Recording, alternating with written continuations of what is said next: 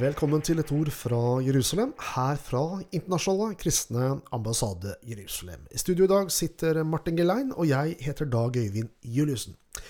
Vi har nettopp eh, avsluttet et stortingsvalg som har gjort at eh, vi får en ny regjering framover, hvor Arbeiderpartiet kommer til å spille en hovedrolle. Og det er jo slik, eh, Martin, at arbeiderbevegelsen den var jo kjent i sin tid for å være nær alliert med Israel og sterke sympatier for staten Israel. Hvordan har dette utviklet seg opp til våre dager? Ja, Arbeiderpartiets Trygve Lie ble jo omtalt som Israels gudfar da han var FNs første generalsekretær og muliggjorde opprettelsen av den moderne staten Israel i 1948. Men ting har forandra seg. Den forrige Arbeiderpartiregjeringa var den eneste regjeringen i Europa som ville anerkjenne Hamas, terrorgruppen, som eh, palestinernes myndigheter. Og det sier mye. Faktisk den eneste i Europa? Den eneste i Europa. Så, så det sier mye. Og vi vet jo at Jonas Gahr Støre som utenriksminister hadde hemmelige samtaler med Hamas, som han eh, altså skjulte for det norske folk og for Stortinget, og nekta jo på TV på at eh, det var tilfellet. Noe som han ble avslørt på. Eh, videre så har jo også Arbeiderpartiet eh, profilert seg på ulike måter eh, opp mot Israel. De har jo vært engasjert i Oslo-prosessen eh, og, og, ulike ting som eh, vi Israels venner kan jo si sånn, ikke har, eller la meg si sånn, ikke har gagnet Israels situasjon. Ja, det er helt sikkert. Vi vet jo at Kristin Halvorsen gikk i i demonstrasjonstog gjennom Oslos gater under bannere eh, som oppfordra til boikott av Jaffa-appelsiner. At en norsk finansminister kunne gjøre noe sånt, det, jo, eh, det gir signaler ut i den store verden og helt til jødene i Israel. Mm. Nå eh, har jo venstresiden eh, fått større innflytelse på Stortinget, eller fått flere representanter på Stortinget. Eh, partiet Rødt, f.eks., som troligvis ikke blir en del av den kommende regjeringen, men som er en del av Stortinget nå, de hadde jo i forrige eh, kommunevalg, som en del av sakene sine i dette lokalvalget, å eh, boikotte Israel. Så det er noe med venstresiden her som har et eh, sterkt engasjement. Ikke bare for situasjonen i Midtøsten, men mot Israel. Ja, og de taler ofte med to tunger, akkurat som Fatah og Hamas gjør i Israel. Når Fatah uttaler seg på engelsk, så snakker de om at de ønsker en tostatsløsning, og viser til at Is eh, Palestina ble okkupert i 1967. Men på arabisk så eh, ønsker de å sette hele Palestina fritt, og snakker om at okkupasjonen er knytta til selve opprettelsen av Israel i 1948. Og Det gjenspeiler seg også hos norske palestinavenner. Eh, Palestinakomiteen innba Åsmund Aukrust fra Arbeiderpartiet til et intervju på Facebook under valgkampen. Altså som et ledd i Arbeiderpartiets valgkamp. Og Der snakker Aukrust om eh, forholdet mellom palestinerne og arbeiderbevegelsen som et kjærlighetsforhold. Altså helt motsatt av det kjærlighetsforholdet som, eh, som, har, eh, som var tilfellet for noen få tiår tilbake. Og der lover han at Arbeiderpartiet vil anerkjenne en palestinsk stat, altså uten å sette krav til palestinerne om å stoppe med terrorisme mot sivile. Og Han lover òg at eh, Norge vil bruke sin posisjon i FN til å styrke palestinernes sak. Eh, så vi ser at den linja som den forrige Arbeiderpartiregjeringa var på, den er på full fart inn igjen. Mm. Eh, AUF har jo sett på ungdomsarbeidet til Fata som et søster parti. Eh, hva ligger i det, denne Hva ligger i det? Nei, Det er jo skrekkelig. Det her er jo oppriktig eh, og flott ungdom som tror at de står på rettferdighetens side når de støtter Fata. Og Fata står på terroristenes side. Så, så det her er bare ren og skjær støtte til terrorister fra Arbeiderpartiets ungdom. Mm. Eh, representanter fra Fata Youth de blir bedt til Utøya eh, for å delta på sommerleiren. Og ungdommer fra Arbeiderpartiet reiser på studiebesøk til de palestinske områdene. Mm. Og her har de latt seg bl.a. avbilde sammen med eh, terrorister eh, som har stått bak eh, mordet på flere sivile jøder. Mm. Vi skal snakke mer om det her, men først skal vi høre på litt musikk.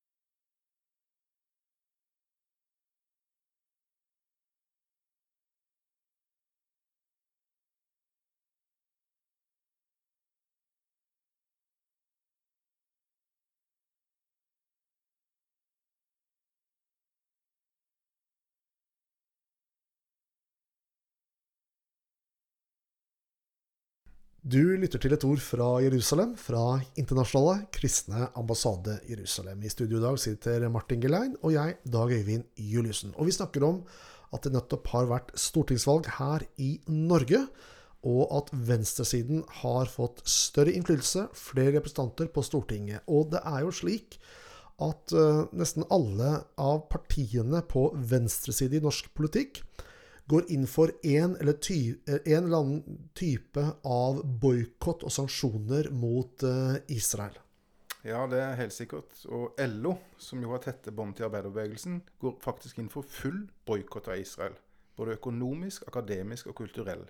Det innebærer bl.a. å nekte israelske idrettsutøvere å konkurrere i Norge, og alle kunstnere og artister fra å opptre i Norge.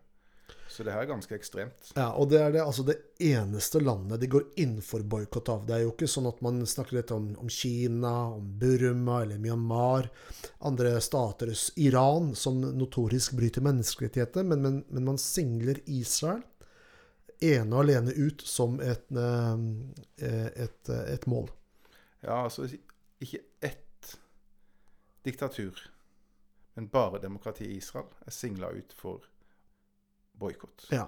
Og per definisjon så er, det, er denne dobbeltstandarden, denne dobbeltbehandlingen av Israel sammenlignet med andre nasjoner, eh, antisemittisme.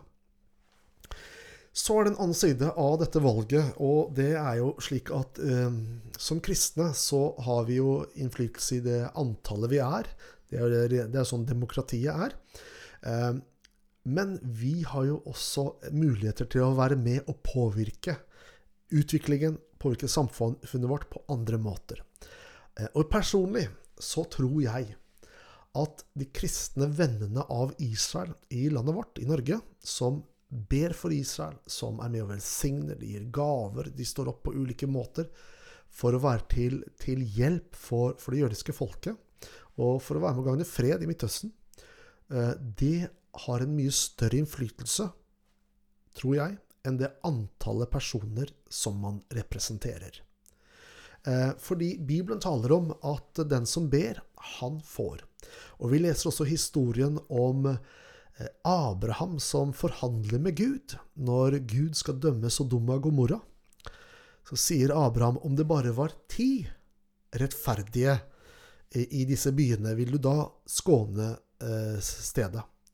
Og da sier Gud ja, om det bare fins ti rettferdige, så vil han skåne eh, byen. Og det er en god illustrasjon, tenker jeg, på at betydningen av kristne som tror, betydningen av kristne som ber, er veldig viktig for det samfunnet man selv er en del av. Og jeg tror at vi kan være med gjennom bønn, ved tro, ved å forkynne Guds ord. Så kan vi være med å påvirke det samfunnet, og ikke minst påvirke den samtiden som vi er en, en del av. Og det her er vi jo lys og salt som, eh, som kristne. Så jeg tror ikke eh, at det er tid for å kaste inn årene, og nå kommer det en ny regjering som mange kristne opplever som, eh, som negativ. Både, ikke bare til Israel, men til mange verdispørsmål. Spørsmål om abort, familie, friskoler osv. På en rekke områder så er, oppleves nok denne, dette valget negativt. Men jeg tenker at vi som kristne vi kan være frimodige og, og stevne fram med det som vi tror er rett og riktig. Og på den måten så kan vi være en velsignelse inn i vår samtid. Både for jødene i Israel, men også for vårt eh, eget land. Da har vi kommet til veis ende i dagens eh, Et ord fra Jerusalem. Og i studio satt eh, Martin Gelein og jeg, Dag Øyvind Juliussen. Takk for følget, og Gud velsigne deg.